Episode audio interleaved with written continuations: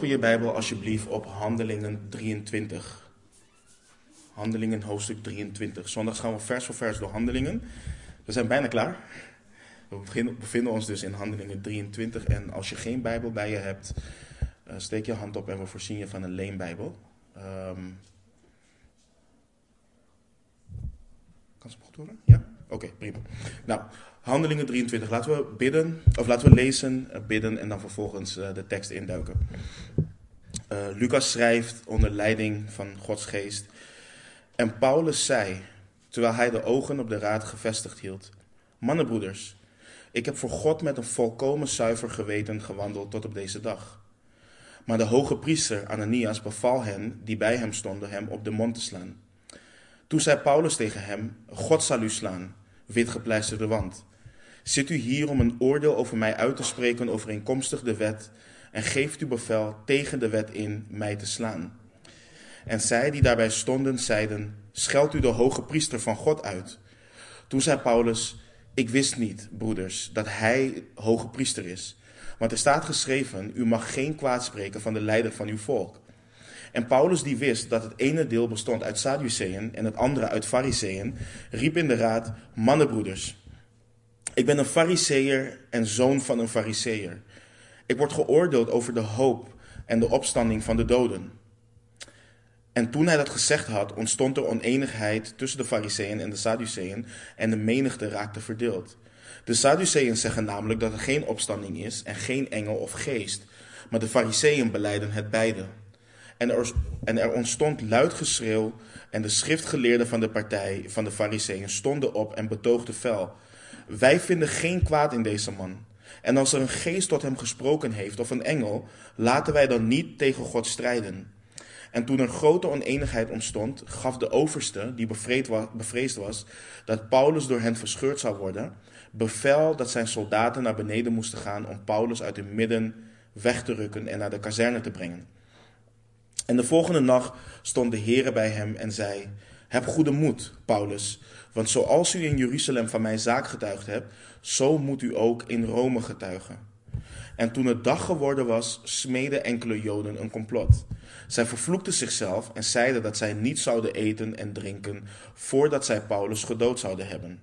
Het waren er meer dan veertig die deze samenswering beraamden.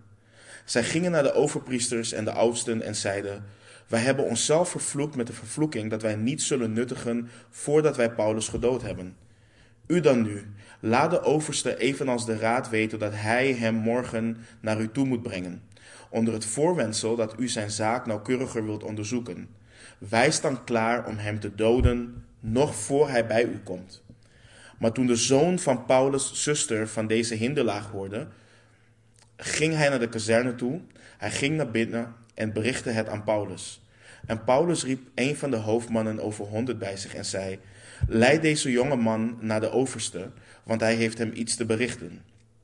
Die nam hem dus mee, bracht hem bij de overste en zei: De gevangene Paulus heeft mij bij zich geroepen en mij gevraagd deze jonge man bij u te brengen. Hij heeft u iets te vertellen. De overste nu nam hem bij de hand en nadat hij hem apart genomen had, vroeg hij: Wat is er dat je mij te berichten hebt? En hij zei: De Joden hebben afgesproken om u te vragen of u Paulus morgen naar de raad wil brengen, onder het voorwendsel dat zij iets met betrekking tot hem nauwkeuriger zouden willen onderzoeken. Maar laat u niet door hen overtuigen, want meer dan veertig mannen uit hun midden leggen een hinderlaag voor hem. Zij hebben zich met een vervloeking verplicht niet te eten of te drinken voordat zij hem gedood zullen hebben. Zij staan nu klaar en wachten op uw toezegging. Toen liet de overste de jonge man gaan en, en gebood hem: zeg verder, zeg verder tegen niemand dat je mij dit hebt laten weten. En toen hij twee van de hoofdmannen over honderd bij zich geroepen had, zei hij: maak, twee, maak 200 soldaten gereed om vanaf het derde uur van de nacht naar Caesarea te gaan met 70 ruiters en 200 boogschutters. En laten zij, ook voor, laten zij ook voor rijdieren zorgen om Paulus daarop te zetten en behouden naar Felix, de stadhouder, te brengen. En hij schreef een brief met deze inhoud. Claudius Lysias aan de zeer machtige stadhouder Felix, gegroet. Toen deze man door de Joden gegrepen was en door hen omgebracht zal worden, ben ik er met mijn soldaten op afgegaan en heb hem ontzet omdat ik vernomen had dat hij een Romein was. En omdat ik de reden wilde weten waarom zij hem beschuldigden, bracht ik hem naar hun raad. Het bleek mij dat hij beschuldigd werd in verband met geschilpunten in zaken hun wet, maar dat er geen beschuldigingen tegen hem was, geen beschuldiging tegen hem was die de dood of gevangenschap verdiende. En toen mij te kennen gegeven was dat er door de Joden een hinderlaag voor deze man gelegd zou worden, heb ik hem ogenblikkelijk naar u toegestuurd en ook de aanklagers geboden in uw tegenwoordigheid te vertellen wat zij tegen hem hadden. Vaarwel. Dus namen de soldaten Paulus mee en brachten hem s'nachts naar Antripatris, zoals hun bevolen was. En de volgende dag lieten zij de ruiters met hem verder gaan en keerden zelf naar de kazerne terug. Deze overhandigde, toen zij in Caesarea gekomen waren, de brief aan de stadhouder en droegen Paulus aan hem over. En de stadhouder vroeg, nadat hij de brief gelezen had, uit welke provincie hij kwam. En toen hij vernomen had dat hij uit Cilicië kwam, zei hij: Ik zal u verhoren als ook uw aanklagers hier gekomen zijn. En hij gaf hem bevel in het gerechtsgebouw van Herodes in bewaring te stellen. Laten we bidden. Vader, we danken u voor uw woord. We danken u voor de rijkdom in uw woord. We danken u, Heer, dat u ons altijd iets wil leren door uw woord heen. Wilt u ons verlichte ogen van ons verstand geven, Heer, opdat we kunnen begrijpen wat u overgeleverd heeft. En wilt u ons vervullen met uw Heilige Geest en ons voor eeuwig veranderen, Heer. We danken u en we bidden en vragen in Jezus' naam. Amen. We hebben vorige week uh, stilgestaan bij de verdediging van Paulus voor de Joodse menigte die hem eerder probeerde te doden. En Paulus zijn verdediging was niet een typische verdediging die je zou verwachten van iemand die overduidelijk onschuldig was. Uh, Paulus werd er namelijk van beschuldigd tegen het volk, tegen de wet en uh, tegen de wet van Mozes en tegen de tempel in te prediken. Hij zou Joden die in heidensgebied leven hebben geleerd dat ze hun kinderen niet moesten laten besnijden en niet moeten leren overeenkomstig te gebruiken van de wet van Mozes te wandelen. Daarnaast zou hij volgens hen ook nog eens een heiden de tempel hebben ingebracht. Nou, dit waren stuk voor stuk serieuze beschuldigingen die je als onschuldige onmiddellijk zou willen weerleggen. Maar je krijgt maar één kans om dat te doen voor zo'n menigte. Dus wat deed de apostel Paulus? Hij getuigde van hoe hij eerst was. Hij was, net zoals zij waren, ook een ijveraar wat betreft de wet en heeft de weg van Jezus tot aan de dood toe vervolgd. Hij ging verder dan de meesten en ging buiten Jeruzalem ook tekeer om allen die Jezus navolgden geboeid terug te brengen naar Jeruzalem voor hun straf. Hij getuigde van zijn radicale bekering door zijn ontmoeting met de levende Jezus Christus. Paulus was niet op zoek naar Jezus. Hij vervolgde Jezus juist. En als er iemand was die absoluut niet voor, uh, uh, voor Jezus zou kiezen, dus om een volgeling van hem te worden, dan was het de apostel Paulus wel. Het maakte niet uit met wat voor argumenten je kwam. Paulus wilde het niet horen. Vergeet niet dat hij de hele toespraak van Stefanus heeft gehoord. En punt voor punt liet Stefanus zien hoe koppig de Joden waren en hoe ze alle profeten die God had gestuurd gedood hadden en ze exact hetzelfde met de Messias, met Jezus Christus, hebben gedaan. En Paulus had die toespraak gehoord en alsnog verzette Paulus zich uh, daartegen. Paulus getuigde van zijn ontmoeting met een Joodse volgeling van Jezus, genaamd Ananias. En hij liet daarin weten dat Joodse volgelingen van Jezus niet afvallig waren geworden van de wet van Mozes. Sterker nog, Ananias had als Jood, als Joodse volgeling van Jezus, juist een goed getuigenis bij alle Joden in Damascus. Dus dat Joodse volgelingen werden geleerd om afvallig te worden van Mozes was simpelweg niet waar. Joodse volgelingen van Jezus zagen juist in dat de wet van Mozes vervuld was in Jezus en dat zij hun rechtvaardigheid, hun gerechtigheid niet konden vinden in en door de wet, maar dat de wet juist veroordeelde en wees naar hem, de Messias die komen zou, naar Jezus Christus. Hij zou hen kunnen redden. En Paulus vertelde hoe Ananias sprak over dit, um, over dit alles. Uh, dat dit alles wat Paulus had meegemaakt en meemaakte voorbestemd was door de God van hun vaderen. Dus de God van Israël. Dus Paulus diende geen andere God. Hij diende juist de God waarvan zij dachten, waarvoor zij dachten ijverig te zijn. En Paulus getuigde van de bevestiging van zijn bediening door de Heer Jezus zelf. En Paulus deelde hoe hij drie jaar na zijn bekering in Jeruzalem aan het aanbidden was. Dus aan het bidden was in de tempel. Dus hij heeft helemaal niet uh, tegen de tempel gesproken. Als Paulus tegen de tempel was, dan zou hij zich nooit in de tempel hebben bevonden om te bidden drie jaar na zijn bekering. En tijdens het bidden raakte hij in geestvervoering en bevestigde de Heer zijn bediening aan de heidenen. En toen zij hoorden, dus de Joden hoorden over de heidenen, werden ze helemaal gek en riepen ze om de dood van Paulus. Maar Paulus werd teruggebracht naar de kazerne en daar kregen de soldaten het bevel hem te geeselen. En toen Paulus wees op zijn Romeins burgerschap, raakten de soldaten en de overste bevreesd en lieten ze hem met rust. Maar de overste zat nog steeds met een probleem. Hij wist nog steeds niet waarom iedereen boos was op Paulus en wat hij dus met de apostel Paulus aan moest. Dus hij maakte de boeien van Paulus los en liet de overpriesters halen en heel hun raad, dus de Sanhedrin, het Sanhedrin, en uh, zij kwamen bijeen en bracht Paulus voor hen. Wat goed om te weten is dat waar we ons nu bevinden, alles, al, alles um, leest weg als een, een reisverslag. Bijvoorbeeld dit hoofdstuk wat we nu ook behandelen, daar zie je ook niet bijvoorbeeld een direct gebod of, of, of directe doctrine um, waartoe we opgeroepen worden om, um, om, om te gehoorzamen. Maar er zit toch wel heel veel rijkdom in. We lezen in vers 1 dat Paulus zijn ogen op de raad gevestigd hield. En dit schetst hetzelfde idee, of dit is, hetzelfde, dit is hetzelfde taal als hoe Petrus en Johannes naar de kreupele man keken in Handelingen 3. Paulus zijn ogen waren gefixeerd op hen. Hij keek hen als het ware van top tot teen aan. En terwijl hij dat deed, zei hij: Mannenbroeders, ik heb voor God met een volkomen zuiver geweten gewandeld tot op deze dag. Het bijzondere is, kijk, Paulus is niet bang uh, voor de raad, maar Paulus is ook niet ho hoogmoedig. Hij spreekt hem dus aan als mannenbroeders, hij heeft respect.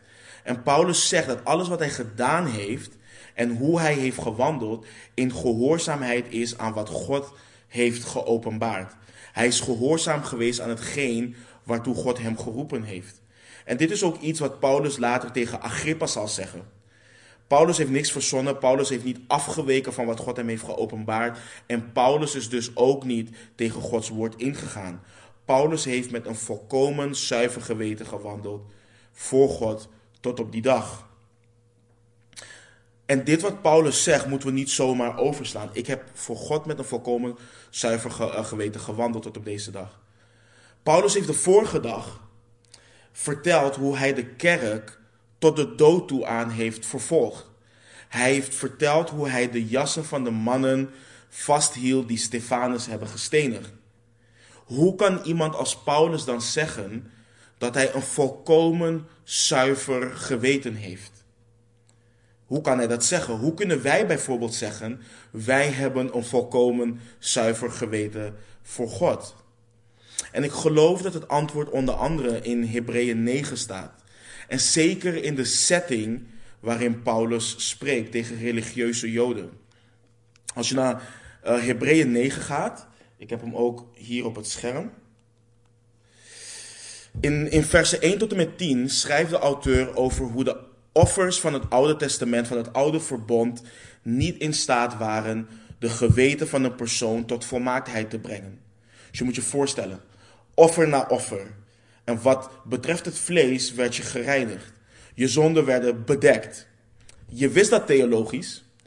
Je wist dat dat in de wet stond. Maar je wist ook dat je zonden slechts bedekt waren.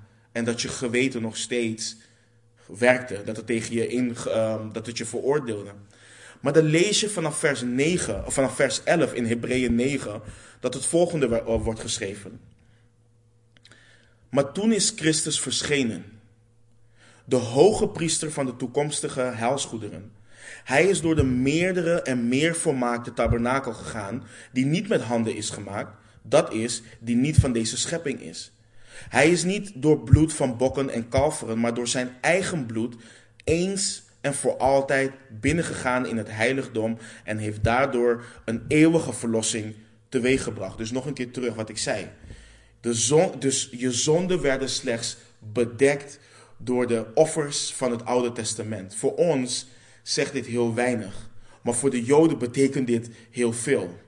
Het werd slechts bedekt. En het kon geen eeuwige verlossing teweeg brengen. Je moet je voorstellen, eigenlijk kon je net zo goed, je, je, je komt uh, offeren, je keert je om, je loopt, je doet iets en je kon weer teruggaan om te, om te offeren. Want je zondigt het natuurlijk continu. En dan gaat hij verder in vers 13. Want als het bloed van stieren en bokken en de as van de jonge koe op de verontreinigde gesprenkeld en hen heiligt tot reinheid van het vlees, hoeveel te meer zal het bloed van Christus, die door de eeuwige geest zichzelf smetteloos aan God geofferd heeft, uw geweten reinigen van dode werken om de levende God te dienen. En dat is het verschil. Het volmaakte offer van Jezus wast een mens volledig schoon. Het bedekt niet alleen je zonde, het doet je zonde weg. God denkt niet meer aan je zonde. Je wordt volledig schoongewassen. Het reinigt je volkomen. Het reinigt je volledig. Door de dood, begraving en wederopstanding van Jezus kun je met een volkomen rein en zuiver geweten voor God komen te staan. Al het oude is voorbij gegaan, zie alles is nieuw geworden. Geen verdoemenis. Daarom zegt Paulus ook zo mooi in Romeinen 8, vers 1, dat er geen verdoemenis is voor hen die in Christus zijn. Dat betekent niet alleen dat je niet geoordeeld zult worden. Nee, Christus neemt ook het schuldgevoel van de zonde die zo zwaar op je drukken, dat neemt hij weg. Er is geen verdoemenis voor hen die in Christus zijn. Je bent levend gemaakt, vergeven, gereinigd en, sta en in staat om de levende God met een zuiver geweten te dienen. En hoe prachtig is het wanneer je dat kunt zeggen? Hoe prachtig is het dat wanneer je die dag voor God komt te staan, dat je met een volkomen rein en zuiver geweten voor Hem komt te staan. En niet vanwege wat jij hebt gedaan, maar vanwege de rechtvaardigheid van Zijn Zoon die op jou geplaatst is. Daarom vind ik het ook zo mooi wat er aan de Corinthiërs wordt geschreven van um, Hem die geen zonde heeft gekend, heeft Hij um, tot zonde voor ons gemaakt, opdat wij de rechtvaardigheid of de gerechtigheid in Hem zouden zijn. Dat is zo prachtig omdat het een soort van, als je, als je kijkt in de Romeinse tijd, wordt het ook gebracht als een transactie wat heeft plaatsgevonden. Jouw zonden worden weggenomen en de rechtvaardigheid van Christus wordt op jou geplaatst. En Paulus heeft met een volkomen zuiver geweten gewandeld voor God. En dat woord volkomen betekent in het Grieks dat het gaat om alles waar het van op toepassing is, het totale plaatje. Het gaat niet om, ik ben gehoorzaam in het, lief, eh, in het liefhebben van mijn broeders en zusters, maar niet mijn ongelovige naasten buiten het lichaam van Christus.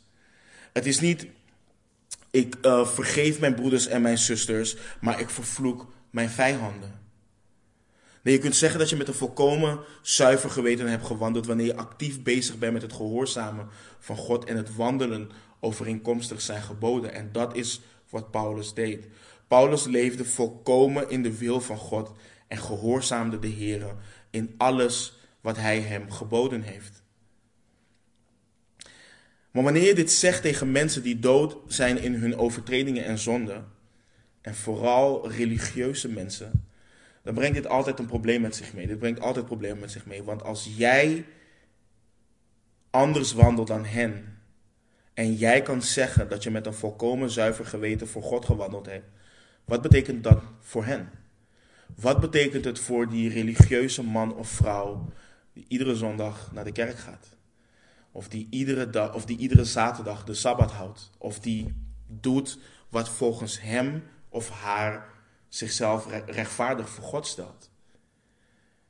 Het veroordeelt je.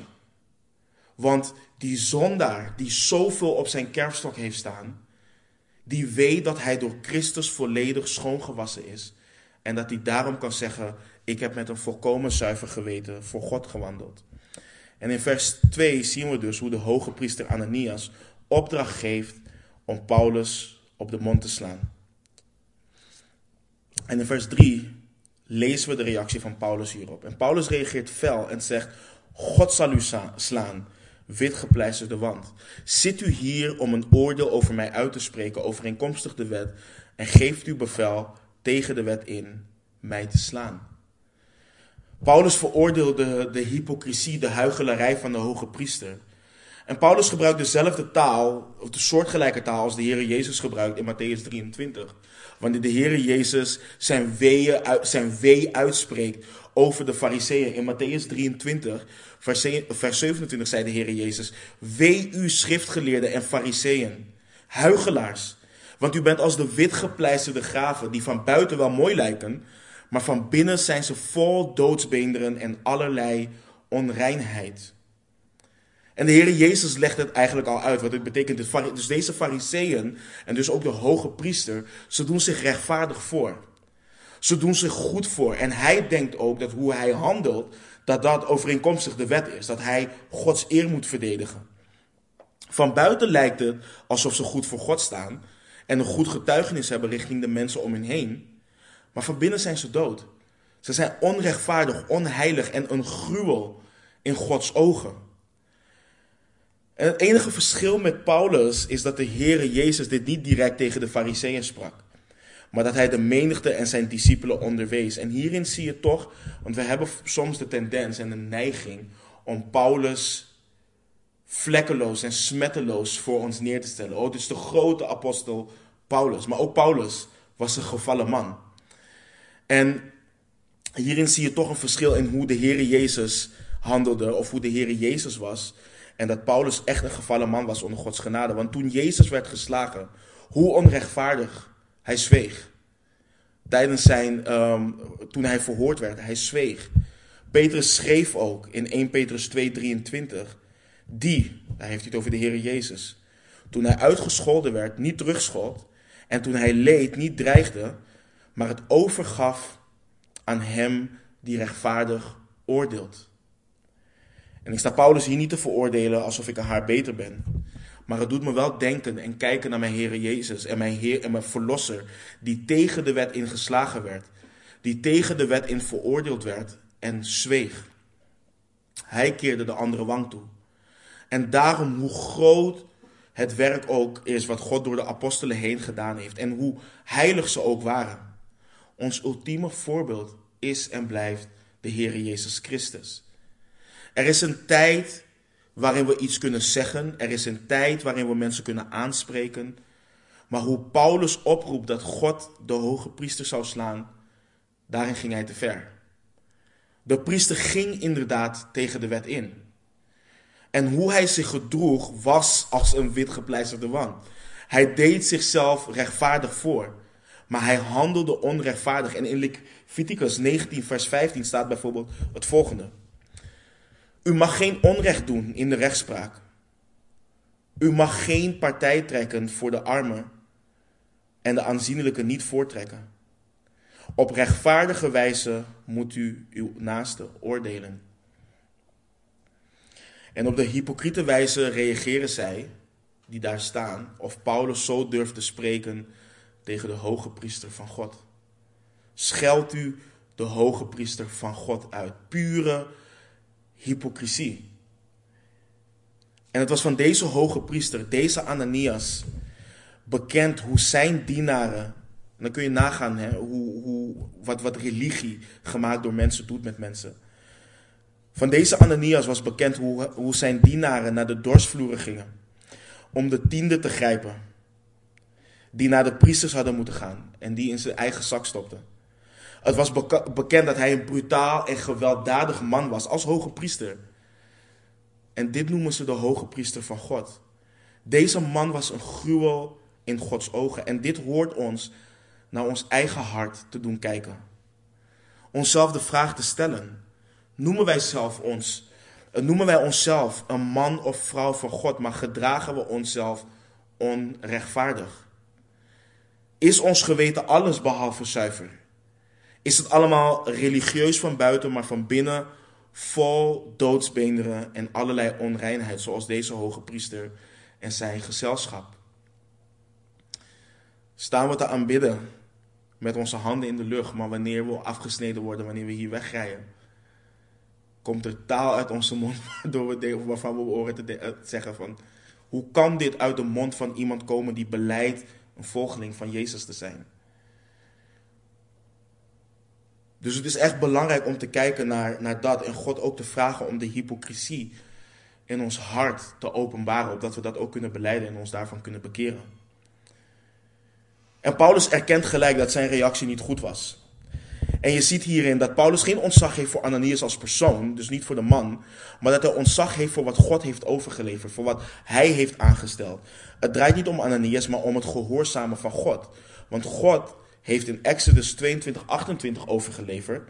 En dat is ook wat Paulus citeert. U mag de rechters niet vervloeken en de leiders van uw volk mag u niet um, verwensen. Hoe het kan dat Paulus niet wist dat de hoge priester voor hem stond? Het antwoord is simpel, ik weet het niet. we kunnen allerlei redenen geven, maar de, teksten, de tekst leert ons niet hoe Paulus het niet wist. Maar wat duidelijk is, is het volgende. Wat de Heer Jezus tegen Paulus had gezegd over dat zijn getuigenis niet uh, zou worden aangenomen, wordt hier weer duidelijk. En we hebben dit vorige week behandeld, maar je ziet hier, Paulus hoefde geen eerlijke rechtszaak te verwachten. Paulus werd actief benadeeld, tegengewerkt en vervolgd. En dit geldt niet alleen voor Paulus. Dit geldt voor iedere volgeling van de Heer Jezus Christus. En soms denken we, en dat zie je in de charismatische kerk ook, we denken dat het boek Handelingen gaat over de wonderen en de tekenen die gedaan worden. Terwijl dat een heel klein gedeelte is in het boek. We denken dat het puur draait om evangelisatie, terwijl we dat wel heel, heel veel zien. Maar we zien ook de kant die daarbij komt kijken en dat is vervolging en verdrukking. Dat zie je heel veel in het, um, in het boek Handelingen. En er is een groeiend idee dat wij, en vooral wij hier in het Westen, uitgesloten zijn van smaad, laster en vervolging. Maar het is Paulus die zelf schreef. De apostel Paulus schreef in 2 Timotheus 3:12. En ook allen. Het woord allen in het Grieks betekent allen, allemaal, geen één uitgezonderd. Allen die godvruchtig willen leven in Christus Jezus, zullen vervolgd worden. En Paulus schreef aan de heiligen aan de Thessalonicensen. In 1 Thessalonicensen 3, versen 1 tot en met 3, dan schrijft hij het volgende. Daarom, toen wij dit verlangen niet langer konden verdragen, leek het ons beter om alleen in Athene achtergelaten te worden. En hebben we Timotheus gestuurd, onze broeder en Gods dienaar en onze medearbeider in, het, medearbeider in het evangelie van Christus, om u in uw geloof te versterken en te bemoedigen. Opdat niemand in verwarring gebracht zal worden in deze verdrukkingen. Want u weet zelf dat wij hiertoe bestemd zijn. Let op wat Paulus doet. Hij heeft het over hun verdrukking en zegt dat wij hiertoe bestemd zijn. Dit is onze portie en het is iets glorieus. Het is iets glorieus om te mogen lijden omwille van de naam van Christus. Het is iets om je in te verheugen. Hoe reageerden de discipelen in Handelingen 5, 41? Zij dan gingen weg uit de tegenwoordigheid van de raad. En wat waren ze? Droevig? Nee. En waren verblijd dat zij waardig geacht waren omwille van zijn naam schandelijk behandeld te worden. Wat zei de Heer Jezus zelf in Johannes 15, vanaf vers 18? Als de wereld u haat, weet dat zij mij eerder dan u gehaat heeft. Als u van de wereld zou zijn, zou de wereld het hare liefhebben. Maar omdat u niet van de wereld bent, maar ik u uit de wereld heb uitverkoren, daarom haat de wereld u. Herinner u, dat is goed, herinner u het woord dat ik u gezegd heb. Een dienaar is niet meer dan zijn Heer. Als zij mij vervolgd hebben, zullen zij ook u vervolgen. Als zij mijn woord in acht genomen hebben, zullen zij ook het uwe in acht nemen. Maar al deze dingen zullen zij u aandoen omwille van mijn naam, omdat zij hem niet kennen die mij gezonden heeft. En waarom moest Paulus dus zo lijden. De Heer Jezus zegt het hier. Omdat hij uitverkoren is uit de wereld. En Paulus brengt het prachtig in vers 6. En hij doet daar iets interessants. Je zou denken dat Paulus zomaar bezig is met verdeeldheid zaaien, met wat hij gaat doen. Dat hij bezig is met een kwaad plannetje om de situatie naar zijn hand te draaien. Maar dat wat Paulus zegt is het hele punt waar deze situatie om draait. De reden waarom ze Paulus zo vervolgen lag in het hart van het evangelie. En dat is iets wat we moeten beseffen. De reden waarom ze Paulus vervolgen lag in het hart van het evangelie. Het feit dat hij werd geoordeeld over de hoop en de opstanding van de doden. En Paulus maakt duidelijk de hoop die Israël al die tijd heeft, die hoop ligt, die hoop ligt in Jezus. Kijk bijvoorbeeld naar de volgende teksten in het Oude Testament, in Daniel. In Daniel 12 vanaf vers 1 lezen we het volgende. In die tijd zal Michael opstaan, de grote vorst, hij die uw volksgenoten bijstaat. Het zal een benauwde tijd zijn, zoals er niet geweest is sinds er een volk is geweest tot op die tijd. In die tijd zal uw volk ontkomen. Ieder die gevonden wordt, ieder die gevonden wordt opgeschreven in het boek. En vele van hen die slapen in het stof van de aarde zullen ontwaken. Sommigen tot eeuwig leven, anderen tot smaad, tot eeuwig afgrijzen. De verstandigen zullen blinken als de glans van het hemelgewelf. En zij die er velen, en zij die er velen rechtvaardigen als de sterren voor eeuwig en altijd. Dit is de hoop van de Israëlieten. En Paulus legt uit met zijn statement: die hoop die hoop is in Jezus. Die de vervulling van deze hoop is in niemand anders dan in Jezus. Let op wat er in Ezekiel staat. Het zijn 14 versen. Het zijn er veel, maar we gaan ze lezen. Het is heel belangrijk. Ezekiel 37 vanaf vers 1. Daar staat er. De hand van de Heere was op mij. En de Heere bracht mij in de geest naar buiten en zette mij neer, midden in een vallei. En die lag vol beenderen hij deed mij er aan alle kanten omheen gaan. En zie, er, lag, er lagen er zeer veel op de grond van de vallei. En zie, ze waren zeer dor. En hij zei tegen mij, mensenkind, zullen deze beenderen tot leven komen? En ik zei, Heere, Heere, u weet het. Toen zei hij tegen mij, profeteer tegen deze beenderen en zeg tegen hen, dorre beenderen, hoor het woord van de Heere. Zo zegt de Heere Heere tegen deze beenderen. Zie, ik ga geest in u brengen en u zult tot leven komen. Ik zal pezen op u leggen, vlees op u doen komen, een huid over u heen trekken en geest in u geven, zodat u tot leven komt. Dan zult u weten dat ik de Heere ben. Toen profeteerde ik zoals mij geboden was. En er ontstond een geluid zodra ik profeteerde en zie een gedruis. De beenderen kwamen bij elkaar, elk been bij het bijbehorende been. En ik zag en zie, er kwamen pezen op. Er kwam vlees op en hij trok er een huid overheen, maar er was geen geest in. Hij zei tegen mij: Profeteer tegen de geest, profeteer mensenkind. Zeg tegen de geest: Zo zegt de Heere Heere: Geest, kom uit de vier windstreken en blaas in deze gedoden, zodat zij tot leven komen. Ik profeteerde zoals hij mij geboden had.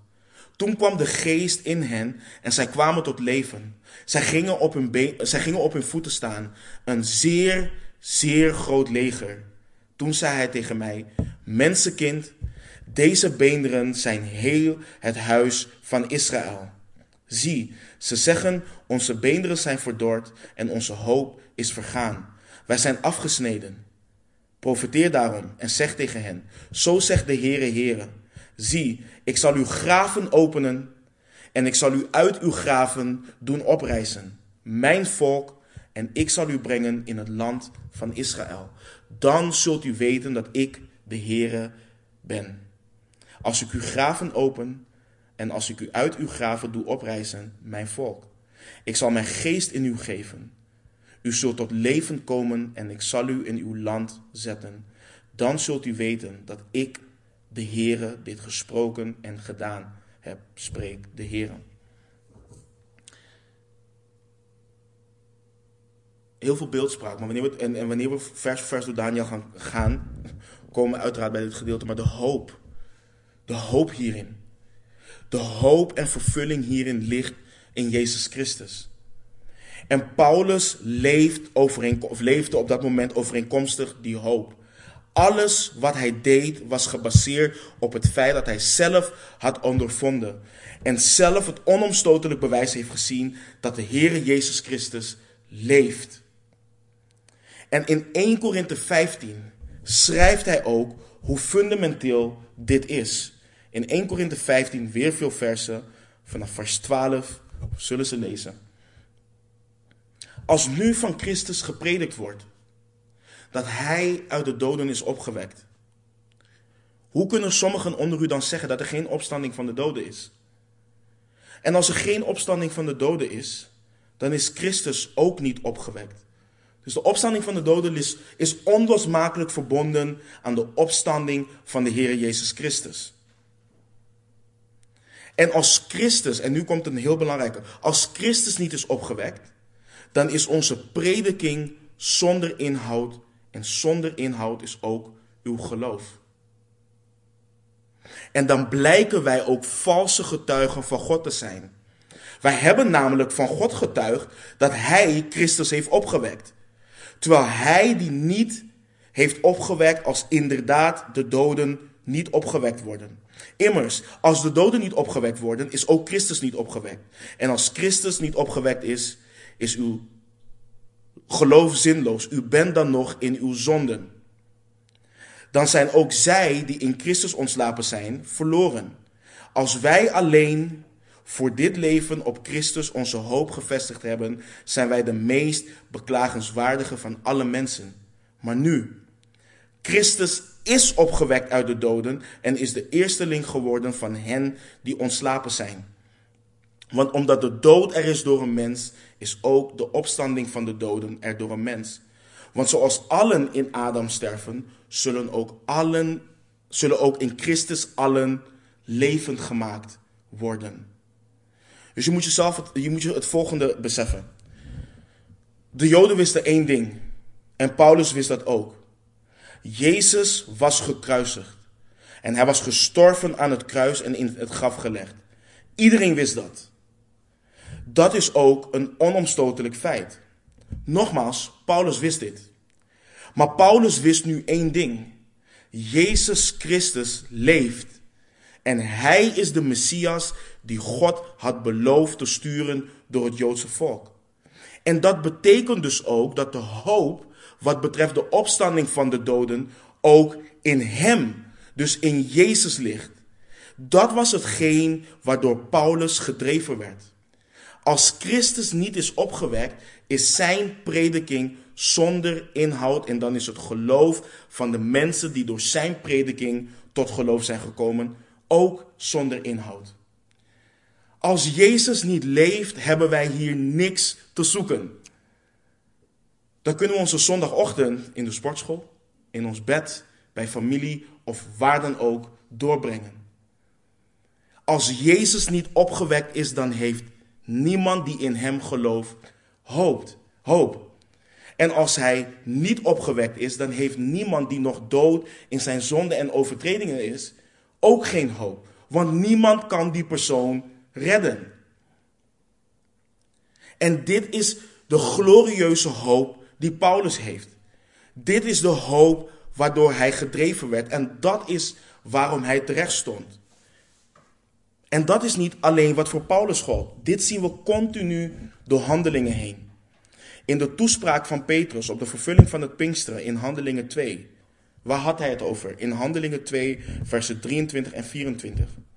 Deze Jezus, die overeenkomstig het vastgestelde raadsbesluit en de voorkennis van God overgegeven is, hebt u gevangen genomen, genomen en door de handen van onrechtvaardigen aan het kruis gespijkerd en gedood.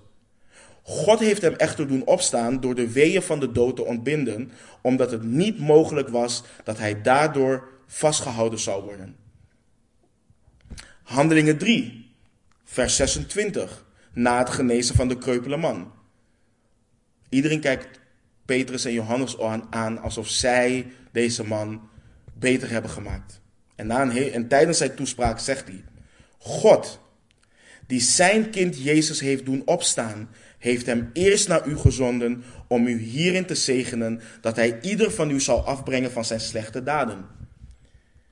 Petrus en de apostelen weer in Handelingen 4, vers 10 voor het Sanhedrin, voor de raad. Laat het dan bij u allen en bij heel het volk Israël bekend zijn dat door de naam van Jezus Christus de Nazarener, die u gekruisigd hebt, maar die, maar die God uit de doden opgewekt heeft, dat door, door, door hem deze man hier gezond voor u staat. Nog een keer Handelingen 5, vers 30, weer voor het Sanhedrin. De God van onze vaderen heeft Jezus opgewekt, die u omgebracht hebt door hem aan een kruishout te hangen. Dit is een glorieuze hoop. Deze hoop, deze zekerheid hoort ons te drijven. Het hoort te penetreren en grond te krijgen in ons leven en letterlijk alles te transformeren. We hebben de hoop en de opstanding van de doden. Er zal een moment zijn dat alle geliefde heiligen die slapen, die dood zijn, in een ondeelbaar ogenblik, in een oogwenk. De doden zullen als onvergankelijke mensen worden opgewekt. Opgewekt tot het eeuwige leven. Want Jezus Christus heeft de dood overwonnen. En allen die in Hem geloven zullen niet verloren gaan, maar eeuwig leven hebben. Dat is ook de context van Romeinen 5:9, dat we behouden zullen worden van de toorn, want allen die tot, het eeuwig leven, die tot eeuwig leven zullen worden opgewekt, zullen de tweede dood niet proeven. Dit is onze hoop. Dit is de zalige hoop die we hebben. En dit is waarom Paulus terecht stond. Dit is waarom hij geoordeeld werd. En de fariseeën, zoals Lucas ons in vers 8 laat weten, hielden sterk vast aan enkele, aan, enkele overtuigingen die de Sadduceeën minachten en verwierpen. De, de fariseeën geloofden in de opstanding van de doden, in engelen en in geesten. Terwijl de Sadduceeën deze allemaal uh, daar niet in geloofden. En aan het begin van de bediening van onze Heer Jezus werd hij onmiddellijk tegengewerkt door de fariseeën. Dat hebben we ook behandeld in, in Johannes. Vooral op basis van zijn onderwijs. En een van de belangrijkste twistpunten was dat Jezus bereid was om te, gaan, eh, om te gaan met zondaars en ook met ze omging. En het feit dat hij claimde dat hij de zoon van God is. En dat het evangelie ook naar de heidenen zou gaan. Dit was voor de fariseeën veel te veel om te verdragen. De Sadduceeën daarentegen, die waren liberaler. En niet alleen liberaler wat betreft theologie en doctrine, maar ze waren ook van de gevestigde orde. Ze waren bereid om samen te werken met de Romeinse regering en hen tegemoet te komen in heel veel. En dat voor hun eigen gewin. En ze bekleden veel van de machtsposities en wilden die dus ook niet verliezen. En de Sadduceeën waren het dus niet alleen niet eens met Jezus over theologische kwesties, maar ze waren ook fel tegen Jezus vanwege de bedreiging die hij vormde voor hun positie, uh, positie macht en privileges. En dit verdient ook wat aandacht. Het is niet zo dat ze niet geloofden dat er uh, engelen waren. Want ze waren bekend met de Oud-testamentische schrift. En waarin ook engelen natuurlijk voorkomen. Ze geloofden gewoon niet in het leven na de dood. En, als en in engelen als boodschappers. Maar na de opstanding van onze heren en vooral na Pinksteren en na de prediking van de apostelen was begonnen, namen de Sadduceeën de leidende rol in hun verzet tegen de apostelen en de weg van Jezus. Want aan het hart van het evangelie ligt immers de dood, de begraving en de wederopstanding van Jezus Christus. Dus ze konden niet toestaan dat de leer over de opstanding van Jezus onbestreden bleef. Vooral niet toen zij verantwoordelijk werden gehouden voor de dood van Jezus. En we zien hier het kwetsbare verbond tussen de Sadduceeën en de Fariseeën uiteenvallen. En, en, en opnieuw ontstaat er dus oneenigheid en, en debat. En in de verontwaardiging um, van Paulus um, identificeerde hij zich met de Fariseeën in hun geloof, in de opstanding uit de dood en in de hoop die uit dit geloof voorkomt. En dus moesten een aantal Fariseeën, dus in principe, erkennen dat wat Paulus beweerde en leerde volgens hun eigen geloofssysteem geloofwaardig kon zijn.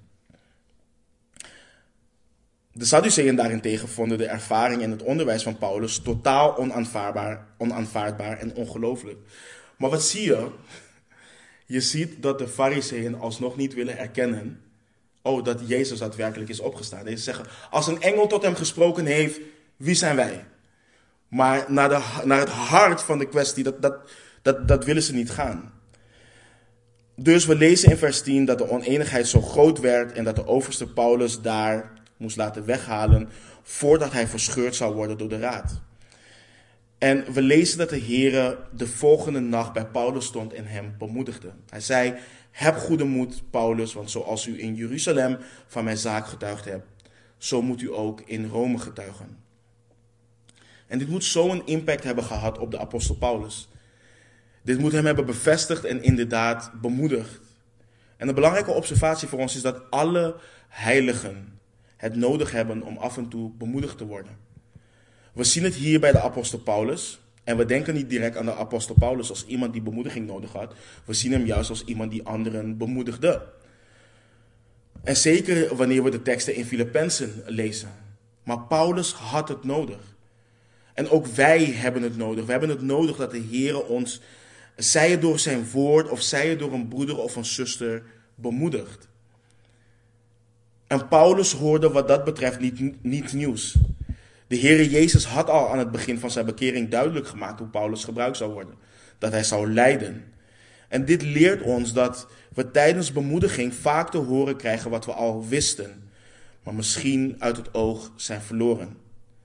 Soms hoor je beleidende volgelingen reageren: Ik weet dat ik meer moet lezen, of ik weet dat ik meer moet bidden, of ik weet dat ik dit moet doen. En bij voorbaat um, proberen ze je al te stoppen uh, om te zeggen wat al overduidelijk is. Ze willen liever nieuwe inzichten. Maar een bemoediging van de Heer is vaak wat we al wisten. Maar wat we vergeten zijn. Het kan een tekst zijn wat je weken, maanden, jaren geleden hebt gelezen en de Heer op iemands hart legt om tot je te spreken. En wat overigens ook bemoedigend is, dat de bemoediging niet op basis van ons succes is. Paulus zijn getuigenis is niet aangenomen in Jeruzalem. Sterker nog, hij was er bijna voor gedood. Dus de Heere bemoedigde Paulus niet voor zijn succes, maar juist voor zijn trouw, in zijn trouw. In zijn gehoorzaamheid aan de opdracht die hij gekregen heeft van de Heere. En voor mij is dit bijvoorbeeld als ouder, als vader, is dit bemoedigend. Mijn verlangen is dat mijn kinderen reddend geloof ontvangen in de Heer Jezus. Dat ze opnieuw geboren wordt. Maar mijn opdracht is om hen op te voeden in de onderwijzing en de terechtwijzing van de Heer. Dat is mijn opdracht. Dat is mijn taak als ouder. De vrucht ervan geeft de Heer. Mijn taak is niet om mijn kind te bekeren. Mijn taak is niet om mijn kind zich te laten gedragen op de manier waarop ik wil dat mijn kind zich gedraagt. Nee, mijn taak is om mijn kind op te voeden in de onderwijzing en de terechtwijzing van de Heer. Ik hoor trouw te zijn in hetgeen waartoe de Heer me geroepen heeft. Ik hoef niet bezig te zijn met het succes, om het zo maar te noemen. Ik moet bezig zijn met gehoorzaamheid. Ik moet hem navolgen in gehoorzaamheid. Als voorganger, als oudste, hoef ik ook niet bezig te zijn om jullie te proberen te veranderen. Ik hoef niet op zoek te gaan naar strategieën wat een bepaalde vorm van succes zal brengen. Wat meer mensen bijvoorbeeld de gemeente in zal brengen.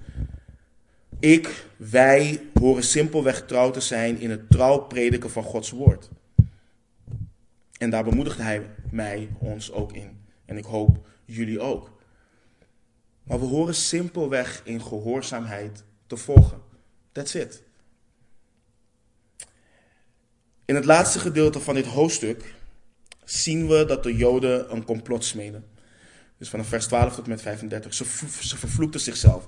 Ze zwoeren, ze zworen een eed dat ze niet zouden drinken en eten voordat ze Paulus zouden hebben gedood. En we lezen dat het meer dan 40 mannen waren die dit deden. Deze mannen gingen dus naar de overpriesters en legden het plan uit. En dat was dat de apostel Paulus weer voor de raad zou moeten verschijnen, maar dat het een, uh, maar dat het een hindernis zal zijn en dat ze hem dus, voordat hij daar verschijnt, zullen doden. Dit plan was niet alleen het kwartaardige complot van een aantal slechte mannen. Het was een plan dat de goedkeuring en de deelname van de leiders van de raad nodig had. Om dit plan te laten werken zouden de leiders van het Sanhedrin moeten samenwerken en de overste ervan moeten overtuigen Paulus vrij te laten voor nog een hoorzitting. Dus deze mannen waren vastberaden om Paulus uit de weg te ruimen. En hoe ironisch, want Paulus stond eerst aan hun kant en nu is hij degene die vervolgd uh, wordt. En je zou denken dat Paulus nu echt in gevaar is, maar het is geen toeval dat het neefje van Paulus op dat moment daar was. Hoe hij de uh, details te horen heeft gekregen, weten we niet. Maar hij gaat naar Paulus en Paulus stuurt hem vervolgens naar de overste en vertelt hem over het plan. En weet je, dit is, dit is zo ironisch. De mensen van God, de overpriesters van God, de raad. Deze mensen stonden op het punt om onschuldig bloed te vergieten. Volledig tegen de wet in. Terwijl een Romeinse soldaat om het um, gebruikt wordt om het leven van Paulus te redden. En je kunt je afvragen, wat is er gebeurd met deze 40 plus mannen? Want het is er niet gelukt om Paulus te doden. Zijn ze gestorven door de honger of um, ja, zijn ze uitgedroogd? En dan zie je hoe religie gemaakt door mensen werkt. Het grappige is, als mensen dit soort, um, als, als, als iemand zo'n eed had afgelegd, en ze konden dat dus niet vervullen of ze konden, daar, ze konden dat niet nakomen. Dan gingen ze gewoon simpelweg naar de priester toe, naar de overpriester. En die ontsloeg hun gewoon uit hun eed. Simpel. Dit, dit, dit is hoe religie gemaakt door, mensen, um, gemaakt door mensen werkt. Dus wanneer het me niet uitkomt, wanneer ik niet kan doen wat ik eigenlijk hoor te doen, wat ik heb gezworen om te doen, dan ga ik gewoon naar de priester en hij ontslaat me gewoon uit mijn eed. Klaar, het is, het, is, het is gewoon, zo gaan mensen te werk. En daarom worden we ook opgedragen om niet te zweren bij de Heer en niet overhaastig beloften te maken. Want als we die niet na kunnen komen, dan moeten we daar verantwoording voor afdragen. Maar ja, dus de overste wilde er alles, om doen, uh, alles aan doen om ervoor te zorgen dat de apostel Paulus een, um, een, een, een, eerlijke hoorzitting zou krijgen. Dus wat doet hij? Hij regelt 200 soldaten, 70 ruiters en 200 boogschutters om Paulus veilig naar Caesarea te brengen. Paulus zou daar overgedragen worden aan Felix, de stadhouder. Daar gaan we volgende week over lezen, maar een verschrikkelijk man. Maar daar, vertellen, vertellen we, daar gaan we volgende week bij stilstaan. We gaan de brief niet uitpluizen die uh, uh, Claudius uh, heeft geschreven. Maar het grappige is, is dat de overste een kort verslag geeft waarom, van waarom hij Paulus naar hem toestuurt. En wat vaak werd gedaan in deze tijd ook, wanneer ze zo'n brief schreven, dan, dan wilden ze in ieder geval ervoor zorgen dat zij het beste uit de verf kwam. Want wat deed hij? Hij zegt dat hij Paulus heeft ontzet omdat hij vernomen had dat hij een Romein was. Maar dat is helemaal niet waar. Hij kwam er pas later achter dat Paulus een Romein was. Op het, toen hij op het punt stond om Paulus te geestelen. Um, dus um, ja, maar dus hij, um, dat, is, dat is hoe hij zijn brief schreef. Maar hij deed er alles wel, hij deed er wel alles aan om Paulus in leven en veilig uh, uh, te houden. En Felix vroeg Paulus na het lezen van de brief uit welke provincie hij kwam. En toen hij begreep dat Cilicië onder zijn rechtsgebied uh, viel, liet hij weten dat hij Paulus zou aanhoren wanneer zijn aanklagers aangekomen waren. Ik wil afsluiten met een belangrijke bemoediging voor ons vanuit de tekst. Um, en wat zo prachtig om te zien is, maar dat zien we door heel handelingen heen. Um, maar dit hoofdstuk zien we het weer. Onderstreept de soevereine controle van God over alle gebeurtenissen. Um, op een zodanige manier dat, dat de mens, als ik het even zo mag noemen, want ja, de keuzevrijheid krijgt en toch verzekerd dat Gods wil precies zal worden uitgevoerd zoals Hij dat bedoeld heeft. We weten nog toen we aan onze reis begonnen, door dit boek, dat er in Handelingen 1 vers 8 staat dat het evangelie in Jeruzalem als in heel Judea en Samaria en tot aan het, tot aan het uiterste van de aarde gepredikt zou worden. En wat we het afgelopen jaar hebben gezien in dit boek, is dat dat ook zo gebeurd is. En dit is niet alleen gebeurd omdat de discipelen zo trouw waren. God gebruikte zelfs de slechtheid van de mens om het evangelie verder de wereld in te brengen. Eh, die omslag zagen we bijvoorbeeld in Handelingen 8. En we zagen het in Handelingen 12, waar Jacobus onthoofd werd en ga zo maar door. En het lijkt erop dat veel beleidende volgelingen van Jezus ervan overtuigd zijn dat Gods plan of dat zijn wil gedwarsboomd kan worden door de slechtheid van deze wereld. Door de toenemende goddeloosheid. Maar ook door de keuzes die wij zelf maken als volgelingen van Jezus. En het is belangrijk om hierbij stil te staan. Twee weken geleden tijdens de samenkomst zei een zuster, en ik parafraseer het echt even losjes hoor, maar we hadden het over hoe relevant het was dat Paulus wel of niet gehoorzaam was door naar Jeruzalem te gaan. Want uiteindelijk zou God het toch gebruiken voor zijn eer en voor zijn glorie om hem voor de Joden te brengen en hem uiteindelijk ook in Rome te brengen. En dat wil niet zeggen dat we gewoon losjes domme keuzes kunnen maken. Maar het hoort ons eraan te doen herinneren dat God soeverein is. En dat God alles doet voor zijn eigen eer en voor zijn eigen glorie. Soms zijn we zo bezig met, ik wil 100% zeker weten of ik de juiste keuze maak in X, Y, Z. Kies ik de juiste baan? Kies ik de juiste opleiding? Koop ik het juiste huis? Koop ik de juiste auto? Of ga zo maar door?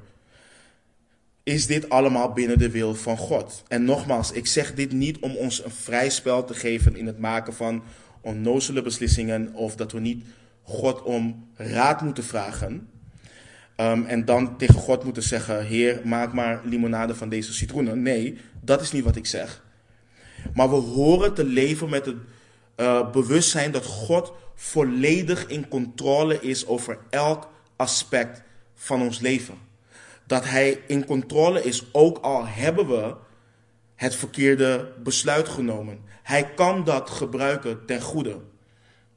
We hoeven geen urenlang te, urenlang te worstelen met het feit dat ons begrip van Gods wil en on, onze, onze gehoorzaamheid eraan onvolmaakt waren. We moeten doorgaan en proberen te doen wat in zijn ogen en in, in, in overeenstemming met zijn woord welgevallig is. Maar weten dat zelfs als we falen, zijn doel, beloften en plan dat nooit zullen doen. En er ligt zoveel troost en bemoediging in het weten dat we een soevereine God dienen. Wanneer we dat weten, zullen we ook niet onnodig gefrustreerd raken door zondige mensen of de rare dingen die er om ons heen gebeuren. Wat lezen we? We lezen dat de goddeloosheid alleen maar toe zal nemen. Dus kijk, we kunnen allemaal dingen doen, we kunnen allemaal dingen om ons heen zien, petities starten en al dat soort dingen. En het is allemaal leuk.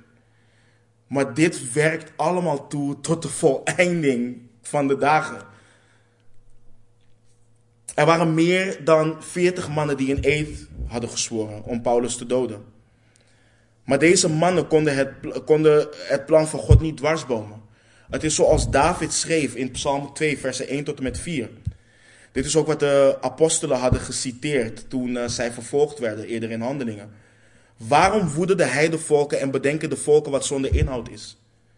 De koningen van de aarde stellen zich op en de vorsten spannen samen tegen de heren en tegen zijn gezalfden. Laten wij hun banden verscheuren en hun um, touwen van ons werpen.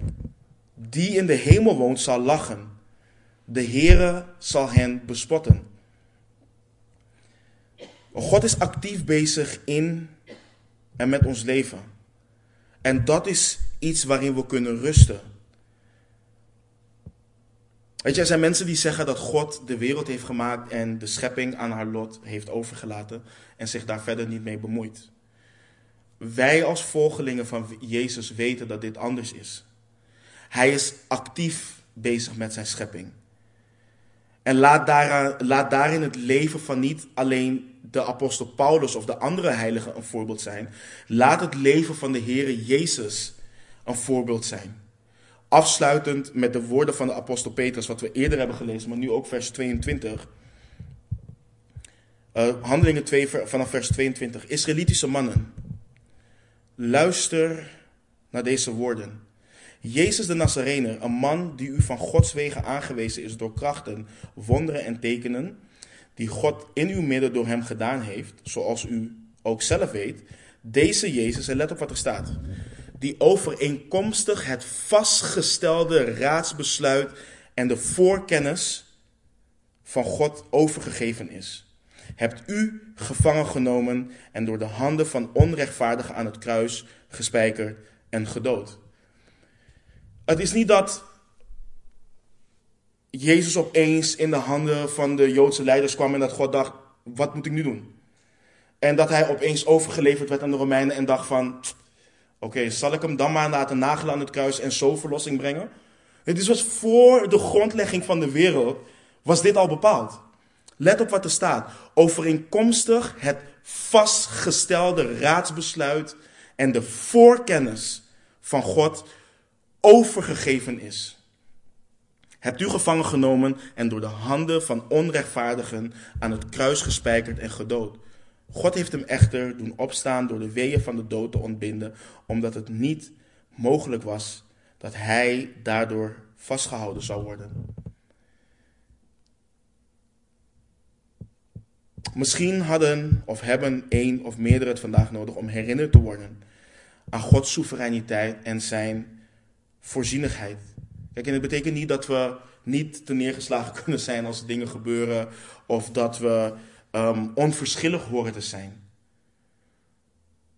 Maar we lezen bijvoorbeeld in Jesaja, ook in Jeremia, we lezen dat God zit en regeert op zijn troon. Hij rent daarboven niet als een kip zonder kop. Hij weet wat er gebeurt. Hij, heeft, hij houdt alles vast in zijn hand. Dat wat er met je kinderen gebeurt. Dat wat er met je familieleden gebeurt, met je oom, met je tante, alles. Hij zal dat allemaal gebruiken ten goede. Hij zal dat allemaal gebruiken om zichzelf te verheerlijken. Om zichzelf eer en glorie te brengen. En is dat niet wat wij willen? Willen wij niet dat God verheerlijkt wordt hier op aarde? Willen wij niet dat zijn eer en glorie zichtbaar is? Door ons leven en door alles wat er is gebeurd. En door alles wat er gebeurt. Laten we bidden. Vader, we danken u dat u zo goed bent en dat u regeert, Heer. We danken u dat we dat zien in het leven van de apostelen de discipelen door het boek Handelingen heen. Dat we dat vooral zien in het leven van onze Heer Jezus Christus. Heer, dat we dat ook zien in hoe u ons zalig gemaakt heeft. Heer, dat u het moment bepaald had. Dat u ons uw glorie zou tonen. En dat wij niets anders zouden kunnen doen dan ons onderwerpen aan uw heerschappij. Aan u als Heer en als Verlosser over ons leven. Heer, het is zo goed om te weten. Zo bemoedigend en zo rustgevend om te weten, Heer, dat u alle situaties in de hand heeft, Heer. Dat er geen toeval is. Maar dat u alles bepaald heeft om uzelf te verheerlijken. En ik bid dat we dit mogen herinneren, Heer. Wanneer we door moeilijkheden heen gaan. Wanneer we gesmaad worden, gelasterd worden, wanneer we met verdrukking te maken krijgen. Heer, voor de ouders onder ons, wanneer we niet weten wat er aan de hand is met onze kinderen, wanneer we ze zien rebelleren, wanneer we ze zien um, afwenden van U, Heer, zich keren tegen U. Heer, dat we weten dat U trouw bent En dat u zal doen overeenkomstig wat u heeft bepaald, Heer. Help ons daarin te rusten. Help ons te rusten en te erkennen en te zien dat uw wil, dat alles wat u wilt en alles wat u doet, dat dat volmaakt is. En dat het allemaal ter eer en glorie van uw grote naam is. En leer ons om onszelf daarin te verloochenen. Want Heer, soms zien we niet dat uw wil volmaakt is. Soms willen we dat niet erkennen, omdat we onze eigen wil willen doordrukken. Omdat we zelf denken dat we het beter weten. Maar Heer, zoals u Job vermaand heeft, hebben wij het ook nodig om in die situaties vermaand te worden en gericht te worden op dat u het begin van het einde kent, Heer. Dat u Alpha en Omega bent. Heer, we danken u voor uw soevereiniteit. We danken u voor uw voorzienigheid, Heer. We danken u dat u de heerser bent van deze aarde. In Jezus' naam bidden we. Amen.